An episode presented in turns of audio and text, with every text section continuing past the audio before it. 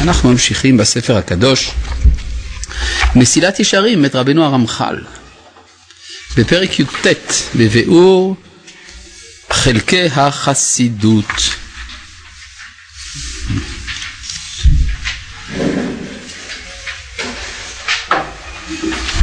אה,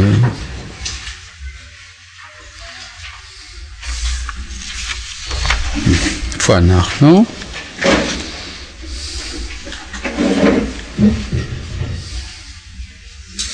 כן, והנה גמילות חסדים. כן, אנחנו עסוקים בפרטים של מידת החסידות. מידת החסידות זאת המידה שמביאה את האדם לעשות יותר. כן, יש uh, מידה של צדיקות, להיות צדיק זה לה... להיות צדיק זה לעשות את הטוב ולא לעשות את הרע. אבל יש מידת החסידות שעניינה לעשות יותר. וזה הסברנו באופן כללי, שזה במעשים, במחשבה וכדומה. וכאן אנחנו נכנסים עכשיו לפרטי פרטים של מה זה לעשות יותר. בסדר? אז uh, אחד מהיסודות המרכזיים של העשייה יותר זה בתחום הנקרא גמילות חסדים. מדוע גמילות חסדים? חסידות זה מלשון חסד. והנה גמילות חסדים הוא עיקר גדול לחסיד. כי חסידות, אתם מוצאים את זה? זה לא ממש בהתחלה, זה אחרי שלושה, ארבעה עמודים מתחילת הפרק. שלושה עמודים. שלוש עמודים. אה? כן, בפרק י"ט, השאלה איפה בפרק י"ט? אז זה מה שאני מסביר, שאנחנו בתוך פרק י"ט, אחרי שניים שלושה עמודים, בדיבור המתחיל והנה גמילות חסדים. כן, פשוט כיוון שהמהדורות שונות, אני לא יכול לציין עמוד, כיוון שמי שזה אצלו בעמוד פלוני, במהדורה אחרת זה בעמוד אלמוני. ולכן אין ברירה אלא לציין את תחילת הפסקה. והנה, מה? במהדורה הזאת שאני מחזיק, אז זה בעמוד קי"ז, כן. במהדורת אשכול הישנה, עמוד פ"ז. כן, במהדורה שאתה מחזיק, מר זמירו, זה פ"ז, כן. שורה אחרונה, והנה גמילות חסדים.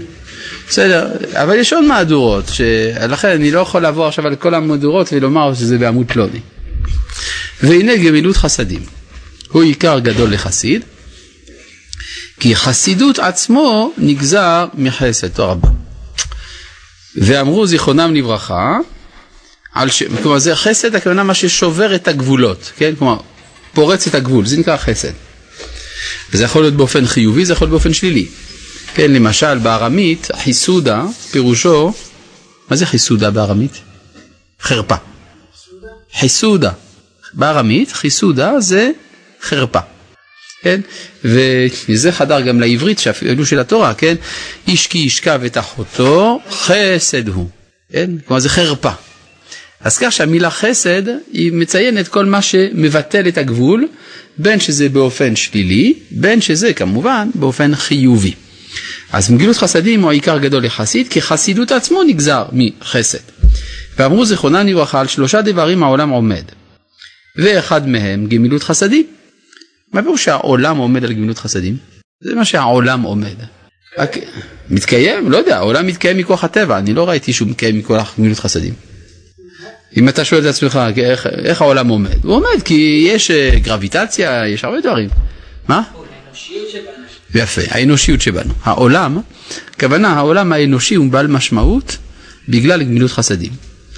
וממילא גם העולם הטבעי מקבל את המשמעות, כי הרי צריכה להיות סיבה מוסרית לקיומו של העולם הטבעי, ולכן הגמילות חסדים היא מהדברים שהעולם עומד עליהם.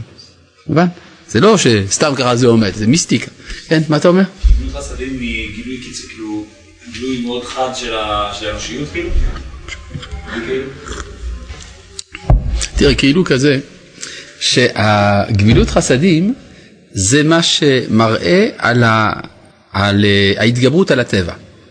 הטבע בנוי על הרצון לקבל. גמילות חסדים זה ההפך של הרצון לקבל, זה הרצון להשפיע. שזה מורה על מדרגה ייחודית באדם. כלומר שהוא יוצא מהגדר הטבעי. כן. אפשר לחלק באמת שני סוגי נשמות שיש כאילו סוגים של אנשים שהנטיות שלהם זה לקצוות, למקומות של פריצת גבולות שזה אנשים שהחסד יותר מוטמע. נכון, נכון. יפה, נכון, נכון. יש אנשים עם נטייה טבעית אל החסד, ועם הנזקים שיש לזה גם, ברור.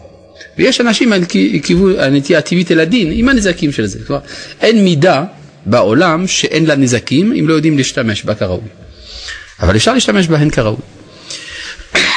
יש בגמילות חסדים, אה, יש אה, מאמר בגמרא ששאל טורנוס רופוס את רבי עקיבא. טורנוס רופוס היה אה, הנציב הרומי בארץ. הוא היה חניך התרבות ההלניסטית, כמו כל הרומאים פה בארץ. והתרבות ההלניסטית איננה רואה את המוסר בתור יסוד מהותי במציאות, אלא המוסר זה מה שמסדיר את אה, החיים החברתיים, אבל זה לא ערך עצמותי. ואז שאל טורנוס רופוס את רבי עקיבא, אם אלוהיכם אוהב עניים הוא, מפני מה אינו מפרנסם? הרי, טוב, השאלה היא פה רצינית מאוד. כלומר, אם הקדוש ברוך הוא הוא הבורא, הוא בורא הכל, אנחנו רואים שהכל מתנהג על פי הטבע, לא על פי המוסר. אם כן, רצונו של הבורא איננו דווקא גמילות חסדים. אז אם אלוהיכם אוהב עניים, הוא באמת היה אוהב עניים, מדוע אינו מפרנסם? שאלה טובה. מה? הוא מפרנס את העניים? יש לי קושייה, אם הוא באמת מפרנס את העניים, אז למה הם נשארים עניים? הם עניים עדיין. בגלל שהוא בגלל שהוא אוהב אותם, אז הם נשארים עניים, למה? כי יש לו מי לאהוב. הוא לא כך אוהב את העשירים, אתה אומר. אז זאת אומרת, אתה דפוק, תישאר כזה. כן, ככה הקדוש ברוך הוא אוהב אותך. זה נקרא מוסר אה, אכזרי, כן? כלומר, טוב, זה כדאי שתישארו עניים, כי ככה הקדוש ברוך הוא אוהב אותם. האמת היא שיש את זה בנצרות, שכיוון שאלוהים אוהב את העניים, אז uh, טוב לדור עניות, כן, יש אצל הנזירים שלהם, הם נודרים להיות עניים. כי אלוהים אוהב את העניים, אז נהיה עניים, יהיה בסדר. כן, מה אתה אומר? אני אומר כאילו כשיש בן אדם עני וכשהוא מקבל עליו את העניים ממקום של מלאות ושלמים. טוב רגע, אני באמצע להסביר, יש לי הצעה בשבילך, אתה יודע שאני באמצע להסביר משהו. אז תן לי להסביר, בבקשה, בבקשה, בבקשה. עכשיו, אה, אז יש, אה, לפי זה, אם באמת אנחנו נאמר שכיוון שהקדוש ברוך הוא אוהב עניים, אנחנו צריכים להיות עניים, אז יהיה בעיה, יהיה אסור להיות עשיר. כלומר, העשיר מרגיש אה, נקיפות מצפון. זה מאוד מצוי, אגב, בין בעולם הקתולי במיוחד, יותר מאשר אצל הפרוטסטנטים, שהעשירות נחשבת באיזושהי צורה לחטא. אתה עשיר, אתה חוטא. כן? ולא מצאנו בתנ"ך למשל התנגדות לעשירות. לא, אין התלהבות דווקא מלהיות עשיר, אבל אין התנגדות גם להיות עשיר. יש הסכנות של העשירות, כן? וצאנך ובקרך ירביון וכסף וזהב ירבה לך, ורם לבבך ושכחת. אז מה אומרת התורה? היא לא אומרת אל תהיה עשיר, היא אומרת וזכרת את השם אלוהיך, כי הוא נותן לך כוח לעשות חיל, ואז יהיה בסדר. אבל, אז מה ענה באמת רבי עקיבא לטורנוס רופוס? טורנוס רופוס אמר, אם אלוהיכם אוהב עניים הוא, מפני מה אינו מפרנסם. רבי עקיבא ענה, המשפט הוא מזעזע, כן? אני אגיד לכם את התשובה של רבי עקיבא, בהתחלה תזדעזעו. אז מי שפה רגיש מדי, מוזמן לעזוב, אני לא אפגע, וגם אפשר לכבות את האינטרנט לחצי דקה. אה, ענה לו, כדי שננצל אנו מדינה של גיהינם. עד כאן הדברים המזעזעים. עכשיו, אני רוצה שתבין למה זה מזעזע. בעצם זה מוסר של בורגנים. כלומר, בעצם יוצא ככה שהעשיר הרוויח פעמיים והעני הפסיד פעמיים. א', העני הרוויח פעמיים. א', הוא עשיר. שתיים, הוא קונה עולם הבא בפרוטות. אה, איזה יופי יש עניים. אני ככה אקנה את העולם הבא שלי, נותן להם קצת כסף. והעני הפסיד פעמיים. מדוע? בגלל שהעני מצד אחד הוא עני, ב', העניות שלו עוזרת דווקא רק לעשיר לקבל את העולם הבא שלו. ככה רבי עקיבא התכוון? תגידו לי. הבנתם את השאלה שלי? כן. עכשיו, מה? גם העני יכול לתת צדקה, ואם אין לו? כמה כבר? מה שיש לו, נותן איזה פרוט... מעשר מן המעשר של המעשר, אלפיון, זה אלפית, כן. הוא האלפיון התחתון, אתה אומר. כן. אני אגיד לך תשובה אמיתית. תשובה שאמר אותה אה, פרופסור לוינה, זיכרונו לברכה, הוא אמר, הרי מה אמר רבי עקיבא? הוא אמר כדי שננצל אנו מדינה של גיהינם. מה התוספת הזה? ננצל אנו. תגיד, ננצל מדינה של גיהינם. מי זה אנו? העני והעשיר ביחד. כי עולם שבו אין נתינה וקבלה, אין יחסי גומלין, זה גיהינם. כי עולם שבו כל אחד עומד בפני עצמו, זה הגיהינם. לא אכפת לי ממך, לך לא אכפת ממני, כל אחד עומד בפני עצמו. אז גם אם לא יהיו לנו צרכים, לא נהיה, לא נהיה עניים, אבל זה עולם נורא, כי זה עולם לא אנושי. האנושיות באה לידי ביטוי באינטראקציה, ביכולת של הנתינה. לכן יוצא לפי זה, זה זה שאלוהיכם אוהב עניים, לכן אינו מפרנסם כדי שבני אדם יפרנסו. ואז ננצל אנו, גם העני וגם העשיר, מדינה של גיהינם. בסדר, עכשיו, כן, בבקשה, דבר. לכן צריך, לש... לש... צריך... לכן צריך לתקן את המציאות. יהיה יהיה. אה, מה יקרה כשבסוף לכולם יהיה? אז כבר העולם יהיה עולם אחר. מה הכוונה שהעולם יהיה עולם אחר? זה יהיה עולם שבו כל אחד יגמול חסדים לעצמו. כלומר גמילות החסדים תהיה בין האדם לבין עצמו, הרי גם אני מישהו. כן? בינתיים אני כל כך אגואיסטי שאני לא מבחין בין עצמי לבין אני. אבל יבוא יום שמרוב האינטראקציה בין בני אדם אני גם אגלה את עצמי בתור אחר. אני אסביר לך, אני אביא דוגמה למה שאני אומר, אני מבין שדבריי קצת קשים. אז תן לי להקדים כמה הקדמות, כי אני רואה שדבריי אה, קשים בעיניך ונקלים, קשים עליך ונקלים בעיניך. אמר הכוזרי, הקדם הקדמותיך ואשמעאל. אה, זה הציטוט מהכוזרי פשוט. אז אה, האמת היא ככה, ש... איפה הייתי? שכחתי. מה זה להסביר מה זה שאת מגלה את עצמך? אה, כן, כן, כן. למשל, יש הלכה, שאם יש לי, אני אגיד, אני, אני רופא בבית חולים. אני יכול לתת טיפול, כדי, לה... באים אליי שני אנשים בסכנת חיים, אני יכול להציל רק אחד. יש לי מכשור כדי להציל רק אדם אחד, לא שניים. מה אני עושה?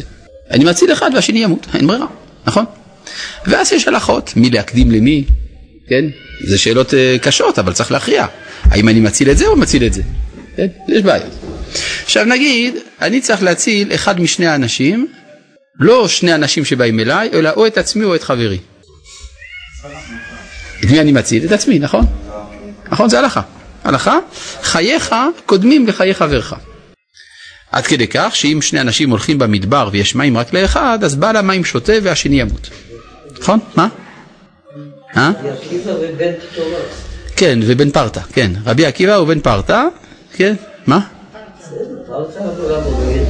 זה בן פרתא, נכון, נכון, נכון. לפי רוב הגרסאות. כן, יש אומרים שזה בן פטורה שם באמת, ויש לזה כמה השלכות מעניינות. אבל מה שלא יהיה, אה, רבי עקיבא אומר שהאדם צריך להציל את עצמו קודם. איפה ואהבת לרעך כמוך? כן, אז קודם כל, אז אם ככה זה לא ואהבת לרעך. התוספות שאלו את זה, התוספות אמרו, יש שאלה במסכת קידושין, אה, לומדים ש... לא, סליחה, במסכת סנהדרין כתוב. ואהבת לרעך כמוך, לומדים מזה ברור לו מיתה יפה, שכשאתה הולך להרוג את חברך בבית דין, צריך להרוג אותו בצורה מכובדת, שלא תבזה אותו, שנאמר ואהבת לרעך כמוך. שואלים התוספות למה אמרו את זה דווקא על שעת מיתה. אומרים כי בחיים אין ואהבת לרעך כמוך, כי חייך קודמים לחיי חברך. ככה אמרו התוספות. יש כמה קושיות על התוספות, על דברי התוספות האלה, אבל לא משנה. אה, איפה ואהבת לרעך כמוך, בחייך קודמים לחיי חברך, זכרו זה סותר אחד את השני. אה? אלא פשוט, גם חייך זה חיי חברך. כי אתה מתעלה עם השכל מעל שני המקרים המסוכנים. יש שני, שני אנשים בסכנה. ואתה צריך להחליט מי אתה צריך להתחיל, להציל קודם. כמו שכשבאים אליך שני אנשים לחדר מיון, יש לך הלכות שקובעות את מי אתה מציל ואת מי אתה עוזב, אז במקרה הזה זה גם כן, אתה אחד משני האנשים שעומדים מחוץ לשכל שלך. אז אתה צריך להתייחס אל עצמך כאל רעך. ברור? וזה דבר שבעולם הזה קצת קשה עדיין. אבל לעתיד לבוא זה יהיה ברור לכל אחד שהאדם צריך ללמוד מרבו או מעצמו. בסדר? טוב, נראה שהיוונים לוקחים ברצינות את הטבע, כי הוא טוטאלי. מאשר את הבחירה החופשית המוסרית. זה לא מקשה על הגישה שסוברת שבחירה חופשית היא חיסרון. יש לשואל מספר הנחות מוקדמות הנובעות משיעורים שלי שהוא שמע.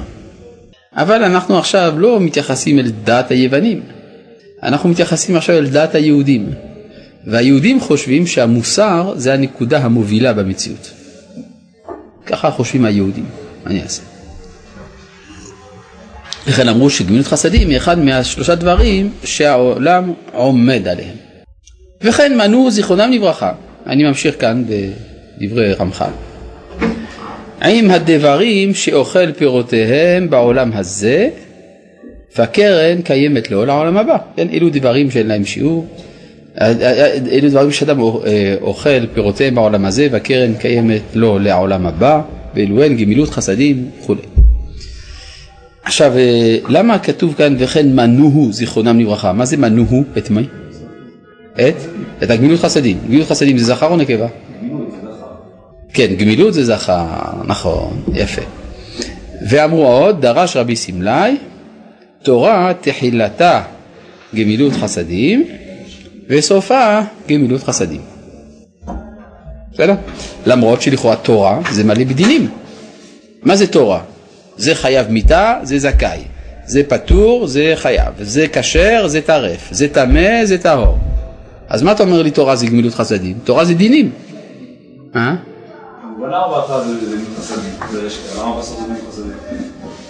רגע, ויקבור אותו בגיא. אז, פה יש שאלה, כלומר, אתה אומר תורה זה גמילות חסדים, ואיפה גמילות חסדים? כולם מלא דינים, מה אתה אומר? ההוראות האלה זה גמילות חסדים. יפה מאוד, כלומר ההוראות של הדינים זה לשם החסד. כלומר אפשר לטעות, כשאדם לומד תורה באופן סתמי בלי לדעת את המגמה הכללית, הוא חושב שהתורה זה דינים. אבל אם הוא מבין את המגמה הכללית של התורה, אז הוא יודע להטות את הדינים לאופן שזה יוסיף גמילות חסדים. כן, יש ב... בשמונה פרקים לרמב"ם, בפרק שביעי. יש לו שם רשימה של גדולי האומה עם הפגמים שלהם. כן? הוא עושה שם רשימה של הפגמים של גדולי האומה. ביניהם של דוד המלך. אומר מה לא בסדר אצל דוד המלך? הוא היה אכזרי. אז מה אם הוא היה אכזרי? הרי הרמב"ם בעצמו אומר, אבל הוא היה משתמש באכזריות הזאת רק כלפי אויבי ישראל. אז זה טוב מאוד. אז, אז, אז מה הוא לא בסדר? אותו דבר הוא אומר שמה גם על אליהו הנביא. מה הפגם של אליהו הנביא? אליהו הנביא היה מתרגז. מתרגז, וזה גרם לו להרוג את 400 נביאי הבעל. בסדר, מה רע בלהרוג את נביאי הבעל? הם חייבים מיתה, לא נביאי הבעל. זה מצוין שהוא הרג אותם, מה הבעיה? כן, הבעיה היא שאם אתה הולך כל הזמן עם השיטה הזאת, אומר הרמב"ם, בסוף אתה תחריב את העולם. כלומר, זה טוב להרוג את אה, הרשעים, אבל אם זה הופך להיות הדבר הסיסטמטי השיטתי אצלך, לא תתקן כלום. לכן הטוב ביותר זה להשקיע יותר בלהחזיר את האנשים שיחזרו בתשובה, יעזבו עבודה זרה, אז זה יותר טוב. אם אין ברירה, תהרוג אותם. כלומר, זה, זה, זה, זה, זה הנקודה. כלומר, שצריך לדעת להטות את הדינים לכיוון של מידת החסד. של מידת החסד. יש מדרש שכשמשה רבנו עלה למרום, דיברנו על זה, נכון? הוא רצה לקבל את התורה והמלאכים התנגדו ורצו לשרוף אותו בהבל פיהם. מה עשה הקדוש ברוך הוא? הלביש על הפנים של אברהם מסכה של... על, על, על הפנים של משה הוא הלביש פנים של אברהם אבינו. ואז הוא אמר למלאכים, רגע, הוא אכל אצלך, אתם אכלתם אצלו ארוחת צהריים ועכשיו אתם עושים לו בעיות? אמרו בסדר, נתנו לו את התורה. מה זה הרמאות הזאת? לא, אלא הכוונה של המדרש היא ברורה. אי אפשר לקבל את התורה אם אין לה הפנים של אברהם אבינו. נכון, תורת משה זה דינים, אבל המטרה של הדינים זה החסד של אברהם אבינו. כן. עכשיו, אז זה גם מה שהוא אומר כאן, דרש רבי סמלי תורה תחילתה גמילות חסדים וסופה גמילות חסדים, ולכן גם זה אחד הטעמים שבגללם קוראים את מגילת רות בשבועות.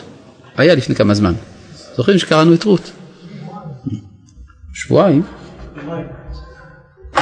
זה היום י', לפני, ארבעה ימים. לפני ארבעה ימים היה לנו חג השבועות, חמישה ימים, תלוי איך אתה סופר, וקראנו את מגילת רות. אחד הטעמים שקוראים את מגילת רות בעצרת, אומרת הגמרא, שזאת מגילה שכולה חסד, וכל התורה כולה חסד. ואמרו עוד, דרש רבה, כל מי שיש בו שלוש מידות הללו, בידוע שהוא מזרעו של אברהם אבינו. רחמן וביישן וגומל חסדים. עכשיו זה דבר מעניין מאוד, השלוש מידות הללו, כן, מזה למדו הלכות. שאם אנחנו רואים משפחה שכולם אכזריים ובעלי מחלוקת וכולי, אסור להתחתן עם מישהי מהמשפחה הזאת עד שלא בודקים את יהדותה. כן, זה הלכה. אמנם בשולחן ערוך האחרונים כתבו שבימינו זה כבר לא נוהג, כי ממילא יש מחלוקות כל הזמן, כל האומה מלאה במחלוקות, אבל פעם הייתה הלכה כזאת, כן? שאם, כי הרי אם ככה אז לא תמצא עם מי להתחתן, כן? עכשיו, אה, אז יש, אה, אבל, שבגלל זה קבעו הלכה, כן? למשל בגלל זה הגבעונים, נאמר על הגבעונים שהם היו אכזריים, והגבעונים לא מבני ישראל המה. כי אין בהם את השלוש מידות האלה של ביישנים, רחמנים וגומלי חסדים. משמע שיש, גם הרב ציודה זצ"ל היה מסביר, היה מספר שפעם הוא הכיר רופא אחד בשוויצריה, שאיזה אישה אחת באה אליו בשעה מאוד מאוחרת, בשתיים בלילה, דווקא אצלו בדלת, בכפר שלו, וביקשה טיפול. אז הוא נתן לה טיפול, אבל הוא שאל אותה, הרי את גרה בכפר רחוק, ואני יודע שבכפר הרחוק יש גם כן רופא. אז למה באת באמצע הלילה אליי ולא לרופא של הכפר? אז היא ענתה לו, בגלל שאתה יהודי, ואני יודע שבגלל זה תקבל אותי גם בשעה כזאת. כן? אז זה דבר מפורסם אצל הגויים. מה? מה אתה אומר? חסידי אומות העולם יש להם התכונות האלה. מה? זה ייחודי לאומה הישראלית כאומה. כלומר זה, זה, זה שיש אדם פה ושם שהוא בעל חסדים, ודאי, בכל העולם כולו יש. אבל כתכונה לאומית, זו תכונה, אה, זו תכונה יהודית. כמו שלמשל תוכל להגיד שהסדר היא תכונה גרמנית. מה, אין יהודים מסודרים? אין צרפתים מסודרים? יש. בסדר, זה אצל הגרמנים. למרות שיש גם כמה גרמנים מבולגנים. אז עכשיו, מדברים על תכונות לאומיות. עכשיו, אז מה זה אומר כאן שיש המידות האלה בעם ישראל? ביישנים, רחמנים וגומלי חסדים. זה מידות טובות או מידות לא טובות? מה, מה נאמר לגריעותה? זה נאמר לגריעותה? איך אתה רואה את זה? לא, צריך לבדוק את זה.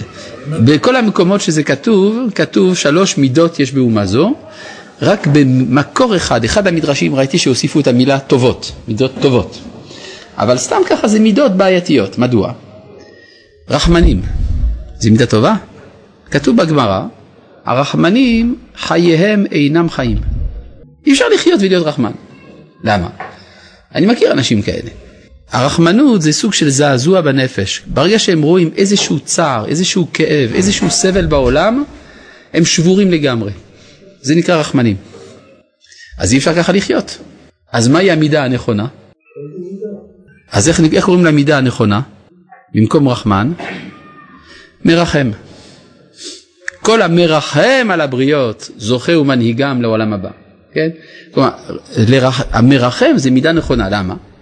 כי אתה רואה את מה שצריך לעשות ואתה עושה.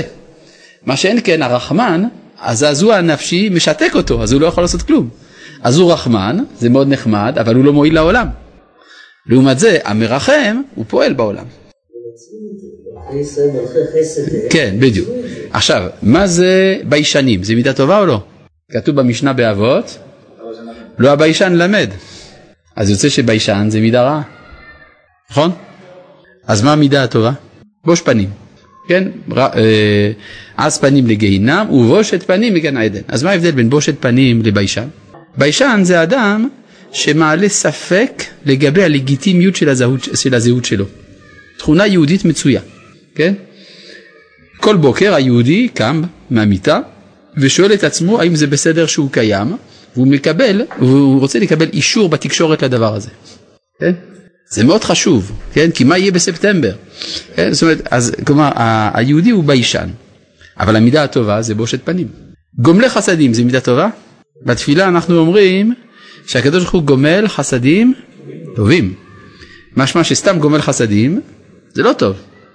למשל, תשמע, אני ממש זקוק לכסף, כי בדיוק איבדתי את האקדח שלי ואני רציתי להתאבד, ואין לי עכשיו, אני צריך לקנות. יש לך אולי כסף, אה, תעשה חסד, תן לי. כן? זה חסדים רעים, נכון?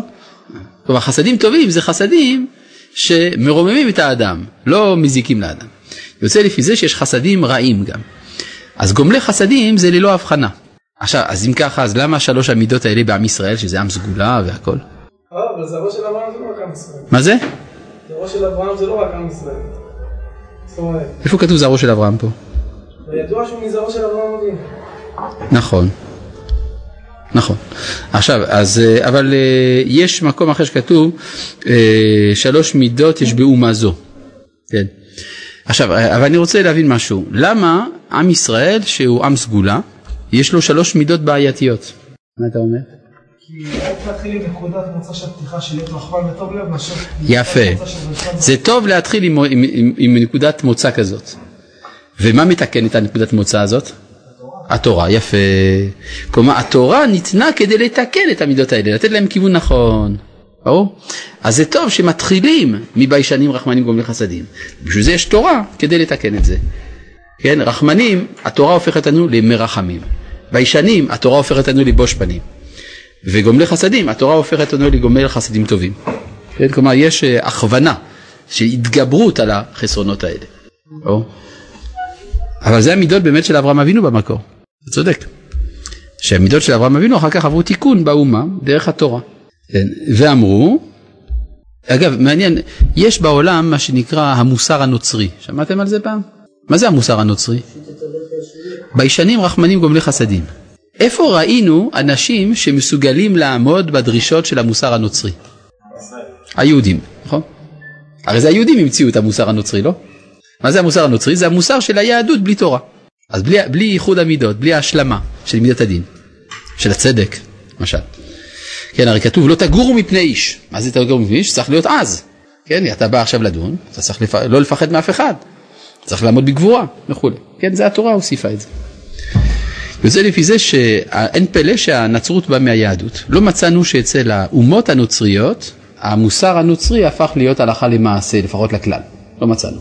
טוב, ואמרו עוד, כן, אה, דרש רבה, כל מי שיש בו שלוש מידות הללו, בידוע שהוא מזרעו של אברהם אבינו, רחמן וישן וגאון חסדים, ואמרו, אמר רבי, אבל כמידת חסידות ברור שזה ראוי.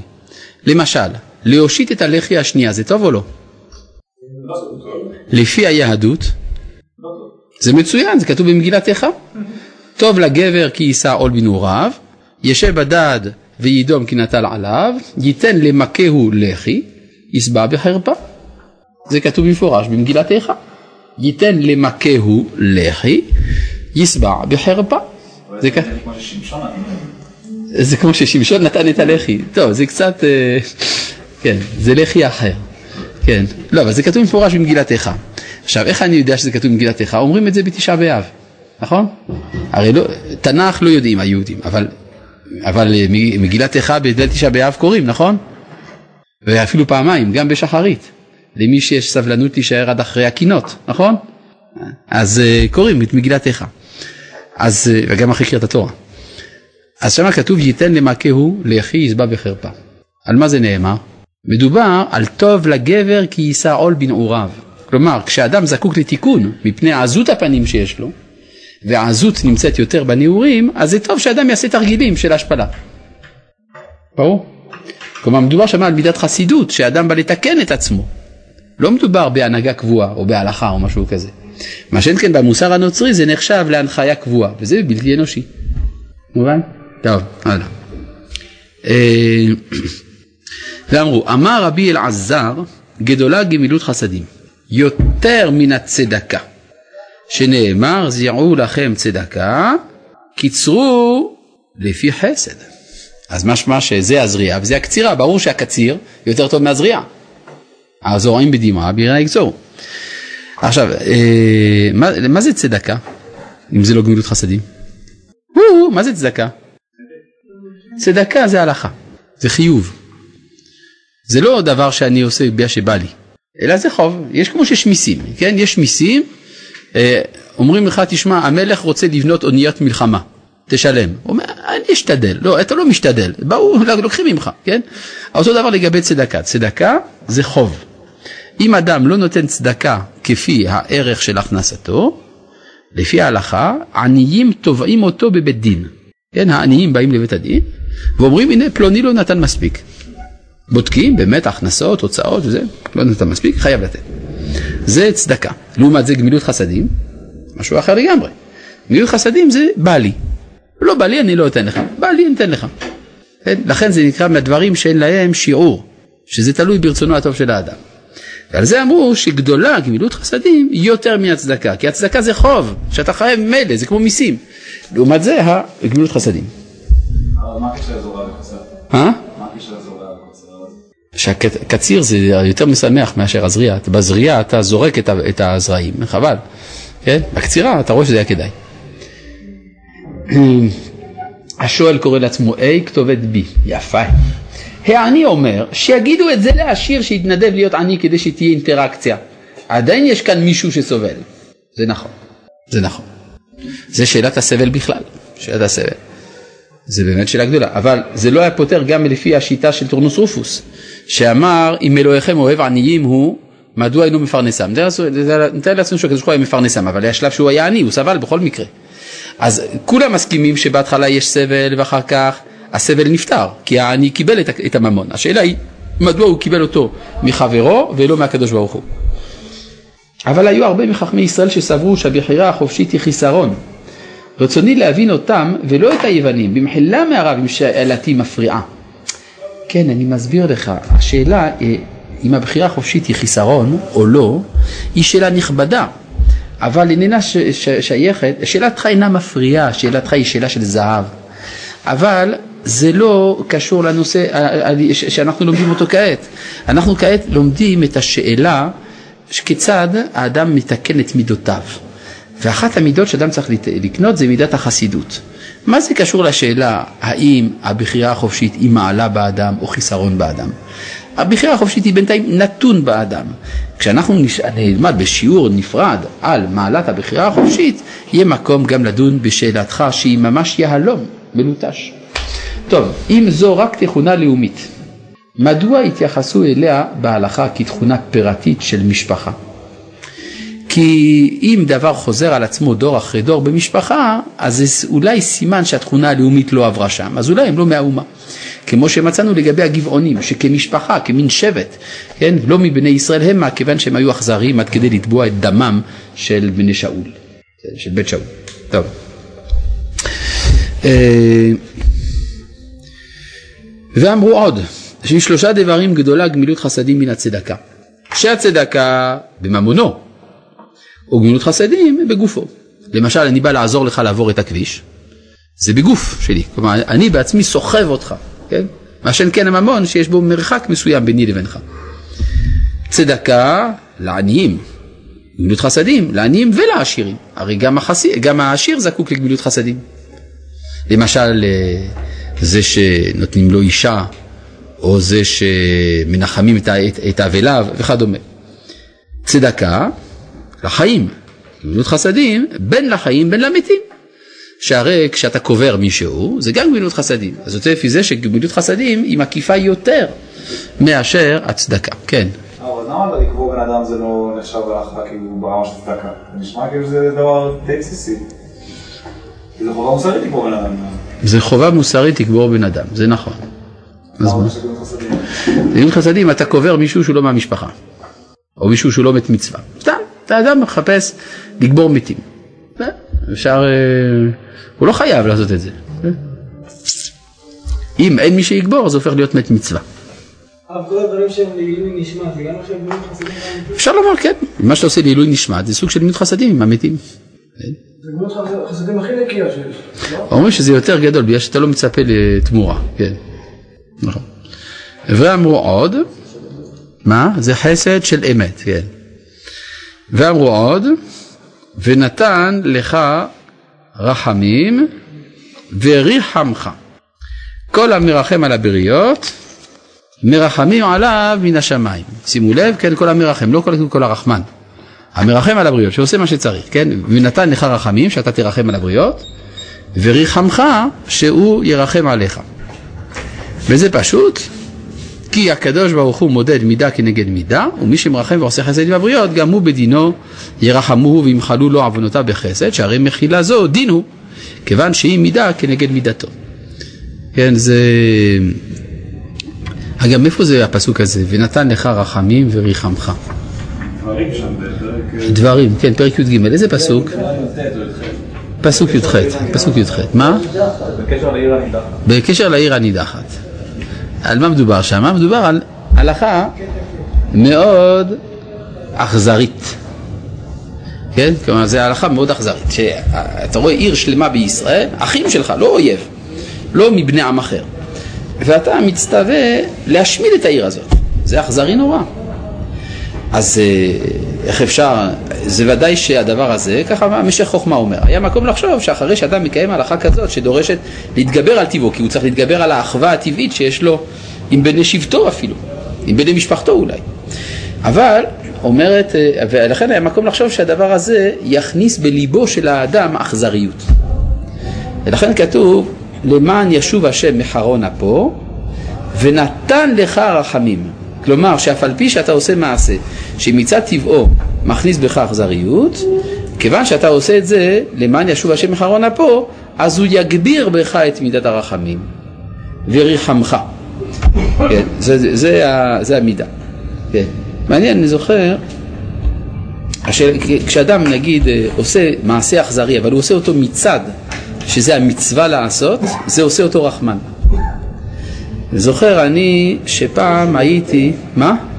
רופא שעושה ניתוח. כן, הנה, הרופא עושה ניתוח, זה אכזרי, צריך להחזיק את הבן אדם שלא יזוז, כן? אבל זה רחמים. כן, אל רופא רחמן ונאמן אתה. ואני זוכר שפעם הייתי בבטש, בעיר הקודש בית לחם. תיבנה ותיכונן במהרה בימינו אמן. וישבו איתי בג'יפ חיילים שכולם היו מצד מסוים של המפה הפוליטית והם אמרו מה אנחנו עושים פה, מדכאים עם אחר, אנחנו לא בסדר, צריך לצאת מפה, לעזוב פה, להניח, להניח אותם לנפשם וכולי וכולי. ואני שתקתי. אחר כך הגענו אל איזה פרדס, ונחנו בהפרדס.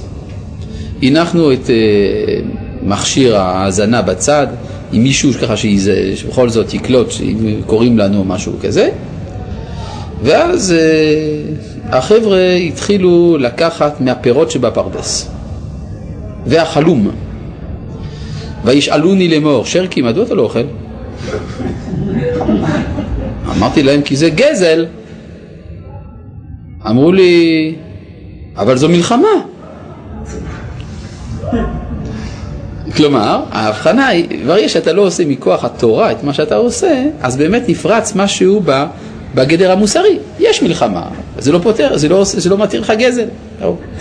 טוב, צהריים טובים כבוד הרב. אז זה בעצם כדי להדגים מה שכתוב כאן, ונתן לך רחמים וריחמך. צהריים טובים כבוד הרב. לא הבנתי, למה התכונה של לתת את הלחי השנייה זאת תכונה יהודית? כי הרי הנוצרים מאוד אוהבים את האידיאולוגיה הזו. אז איך להבין?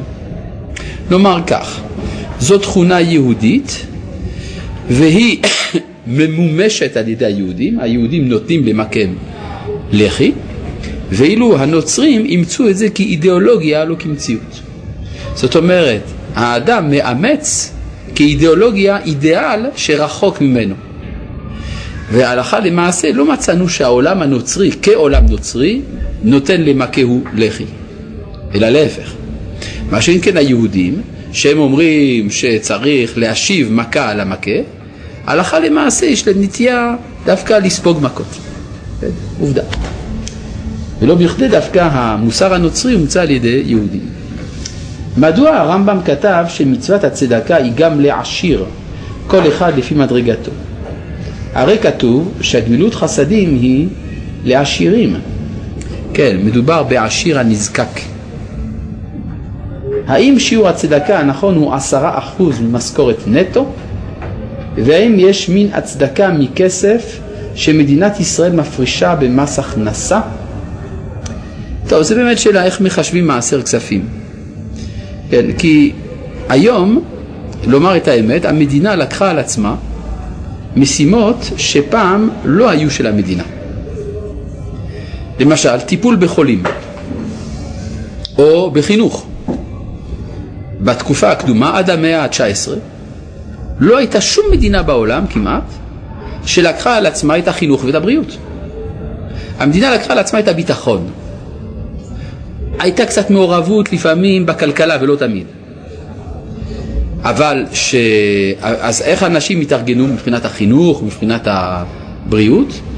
זה היה קהילה בעצמה שהייתה מממנת את הרופא, הייתה מממנת את בתי הספר, זה היה נכון גם אצל הגויים וגם אצל היהודים.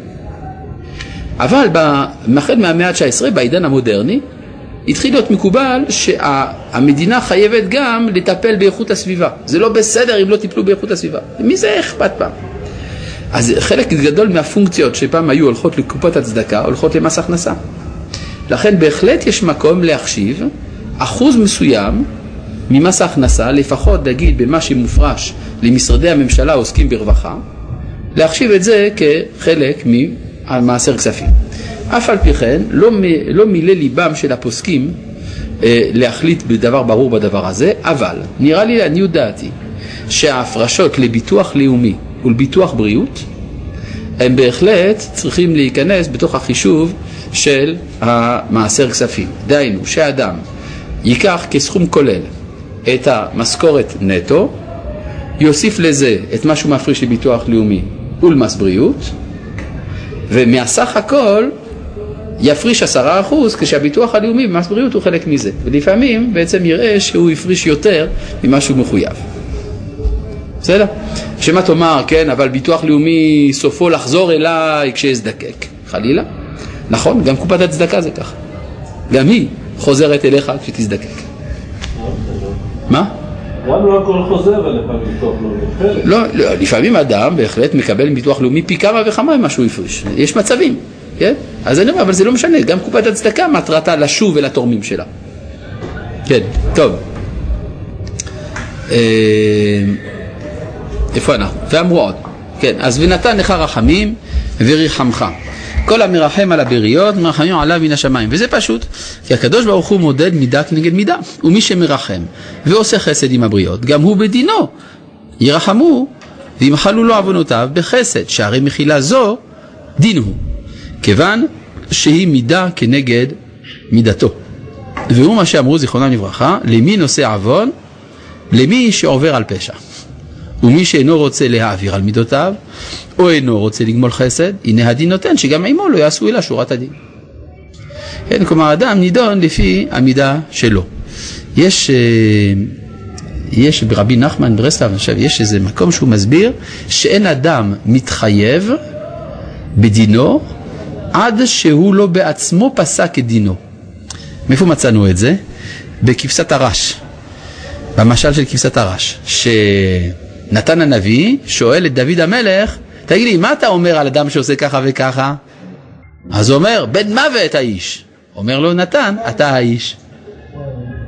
זאת אומרת, שהאדם איננו נידון עד שלא יצא לו בהזדמנות כלשהי לדון את המקרה של עצמו באותו דין. יוצא לפי זה שאם הוא ותרן לאחרים, יצא שגם כלפיו יוותרו. ראה אתה, מי הוא זה ואיזה הוא שיוכל לעמוד אם הקדוש ברוך הוא עושה עמו שורת הדין. ודוד המלך מתפלל ואומר, ואל תבוא במשפט את עבדיך, כי לא יצדק לפניך כל חי. זה בקמ"ג? יש פסוק, זה ב... אצלכם כתוב קמ"ג, נכון? כן. זה בתהילים קמ"ג, ואל תבוא במשפט עבדיך. טוב, מן הסתם. טוב. אמנם, רואים, אפילו פסוק אני לא יודע. זה כתוב? קמ"ג פסוק ב'. טוב. טוב, אם זה כתוב, אז זה כתוב. אתה רואה? איך אתם לומדים ממישהו שלא זכר פסוק בתהילים? אמנם, העושה חסד, יקבל חסד. וכל מה שירבה לעשות, כך ירבה לקבל. עכשיו נשאלת השאלה, אם באמת זאת המטרה שלו, שהוא עושה חסד כדי שיעשו איתו חסד, אז זה כבר לא מידת חסידות. נכון? אלא צריך להבין כך, מה שרמח"ל כותב כאן זה איך שזה מתפקד. באמת, הקדוש ברוך הוא ככה יעשה. אבל לא שזאת המטרה שלו. הוא עושה חסד בגלל שהחסד הוא ראוי. ואז ממילא הקדוש ברוך הוא יעשו עמו חסד, ולא למען זה הוא עושה. אה, יש בהשגחה עליונה, שזה לא, כשאדם בזמן שהוא מוכן לגמילות חסדים, הוא לא חושב על השכר שהוא מקבל מזה. זה כמו שלמשל, משה רבנו היה מוכן לוותר על העולם הבא שלו כדי להציל את עם ישראל, נכון? ואז בזכות זה הוא זוכה לעולם הבא בריבוע, נכון? בומבה של עולם הבא. אבל מה-? לא, מתוך נאמר פשוט, שמשה רבנו בזמן שהוא היה מוכן לוותר על העולם הבא שלו, לא שם לב שזה גורם לו ליותר עולם הבא. פשוט. לא, אני אומר, מי שעושה חסד והוא חושב שיקבל חסד, אז גם מתוך... בסדר, אבל אתה צודק, שמתוך שלא. אתה צודק, מי שמתוך שלא לשמה בא לשמה, אבל זה לא נקרא מידת חסידות. ברור. מידת חסידות זה עם כוונתו, בהחלט, שלא לשם קבלת שכר, כן. הזאת? לא, חוסר נקיות אל תגזים. חוסר נקיות זה כשאדם רוצה לעשות דבר אסור. אז ממש לעשייה. כן, אז זה חוסר טהרה אפשר לקרוא לזה. טוב. ודוד היה מתהלל במידתו זאת הטובה שאפילו לשונאיו היה משתדל להיטיב וזהו מה שאמר ואני בחלות העם לבושי שק עיניתי בצום נפשי וכולי ואומר אם גמלתי שולמי רע וכולי. כן. ובכלל העניין הזה שלא לצייר, עכשיו צריך להבין משהו כשדוד היה מתפלל על שונאיו זה לא שהוא לא היה מתפלל גם להילחם בהם כלומר דוד היה גם, גם נלחם בהם וגם מתפלל לשלומם. לא, מה? משנאיך השם ישנא, נכון. מי זה משנאי השם? מה זה? יש הבדל בין שונאים למשנאים. המשנאים זה המסיתים למינות, נכון? ברור. אה, ובכלל העניין הזה, אגב מעניין, כתוב משנאיך השם אשנא, למה לא כתוב משנאיך השם אשנא? הרי אם זה משנא, זה פי אל. אז איך היה צריך לדוד לעשות? מידה כנגד מידה, אשנא, שזה מידה יותר חזקה. וכתוב רק אשנא. זאת אומרת מדובר בשנאה מעשית, כי אסור לתת לה עוול להתפשט בעולם. זה כמו שלמשל, למשל אה, מלך צריך להקפיד על כבודו. אה, זה לא טוב, כי אם הוא יקפיד על כבודו, אז אנשים ייפגעו, אולי עדיף שיוותר. כן, אבל אם הוא יוותר הוא פוגע במלכות. נכון? אותו דבר, גם תלמיד חכם שפגעו בו בציבור, אסור לו לוותר. למה? אדרבה, זה לא מידה טובה, תוותר. כן, אבל אתה פוגע ברבנות. ולכן לפעמים יש שיקול שלא, שלא לוותר, לא מצד שאתה מצד עצמך לא היית מוכן לוותר, אלא מצד מה שאתה מייצג. כן, מה אתה אומר? אמרנו קודם שמרחם זה דווקא מי שעושה את הפעולה. המשנא זה לא הפעולה, למה מי ששונא זה... מרחם זה... התחבירית פשוט. זה התחבירית, אתה אומר זה גם פיאל. לא יודע. אמ, ובכלל העניין הזה, שלא לצייר שום בריה, אפילו בעלי חיים, ולרחם ולחוס עליהם. וכן הוא אומר, יודע צדיק נפש בהמתו. מעניין, אז לפי זה להרוג ג'וקים? או קינים? או פשפשים? כן? אז אה, כתב רבינו חיים ויטל בשם האריזל, שמי שרוצה לזכות לרוח הקודש אסור לו לשפוך דם, אפילו דם של ברית מילה. קל וחומר שלא להרוג פשפשים. עכשיו פעם עוד לא היה DDT בעולם. אז אדם היה הולך לישון, יש לו פשפשים במיטה, מה יעשה? בימינו זה לא בעיה, כן? אתה מרסס, לא באים. אבל פעם היה קשה, כן? היה מלא בעיה. מה הבעיות? אז זה, אבל איך אפשר לצייר שום בריאה? מסכנה הבריאה הזאת, כן, הפשפש הזה, הוא זקוק לדם. אז אל תהרוג אותו. כן, אני גם בריאה ואני גם מצטער. אתה מצטער, בסדר, אז מה? זה ממש מצער. זה מצער שזה מצער. כן, לך זה רק כואב, לא, אותו זה מחיה. לא, הוא לא אמר שתיתן לו להישאר עליך, כן, אתה יכול להסיר אותו, אבל תיזהר, כשאתה מסיר אותו שהוא לא ימות. כן, תגיד לו סליחה, שם אותו בצד. כן, אז מה ש... אה, שלא לדבר על שחיטה, שוודאי לא, לא, לא לשחוט, אבל אפילו ברית מילה שזה מצווה. כן, אנשים שעוסקים לזכות לרוח הקודש, אפילו ברית מילה לא עושים. כן. זה לא ראשונה שהם ביטלו מצווה. אה? זה לא ראשונה לא ראשונה שהם ביטלו מצווה. איזה מצווה יש לי למול? אה, נולד לך בן, למה שאני אמול אותו? תמול אותו בעצמך. מה? ולא משה. זה משהו אחר, כן. שציפורה מעלה זה בגלל שמשה לא מעל. אם משה מעלה יש... לא, אדם כלפי בנו ודאי שיש לו מצווה למול את בנו. כן, מה אתה אומר? דוד המלך הרי מלא במלחמה. דוד המלך הוא עשה קורבנות, משהו אחר. כלומר, כשהוא הורג במלחמה, זה כמו קורבן לפני השם. כתוב, דמים רבים שפכת ארצה לפניי. מה זה לשפוך דם לפני השם? זה קורבן. כן, ברית מילה זה טוב, ברית מילה של הבן שלך. יש לך מצווה למול את הבן שלך. אה, אין לך מצווה למול את הבן של חברך, מישהו אחר יעשה. מה? למה כתוב בטבעי הימים, ימים שפכת ולכן לא תבנה בית המקדש, הוא יצא. טוב, זה שעזר ממנו לדבר, אבל נגיד ככה, דוד המלך חשב שזה הסיבה שהוא לא בונה את המקדש. טוב, בסדר. אה, הקודש אני לא אקבל, הרב. כן, מה? רוח הקודש אני לא אקבל. למה? הרגתי נמלה. הרגת נמלה. אבל, אז מה? אז בינתיים לא קיבלת רוח הקודש. ממחר בבוקר תפסיק להרוג נמלים. ואז תראה פתאום, כן, כנראה שזה העיכוב האחרון, נכון? אולי. טוב, עד כאן להיום, שלום.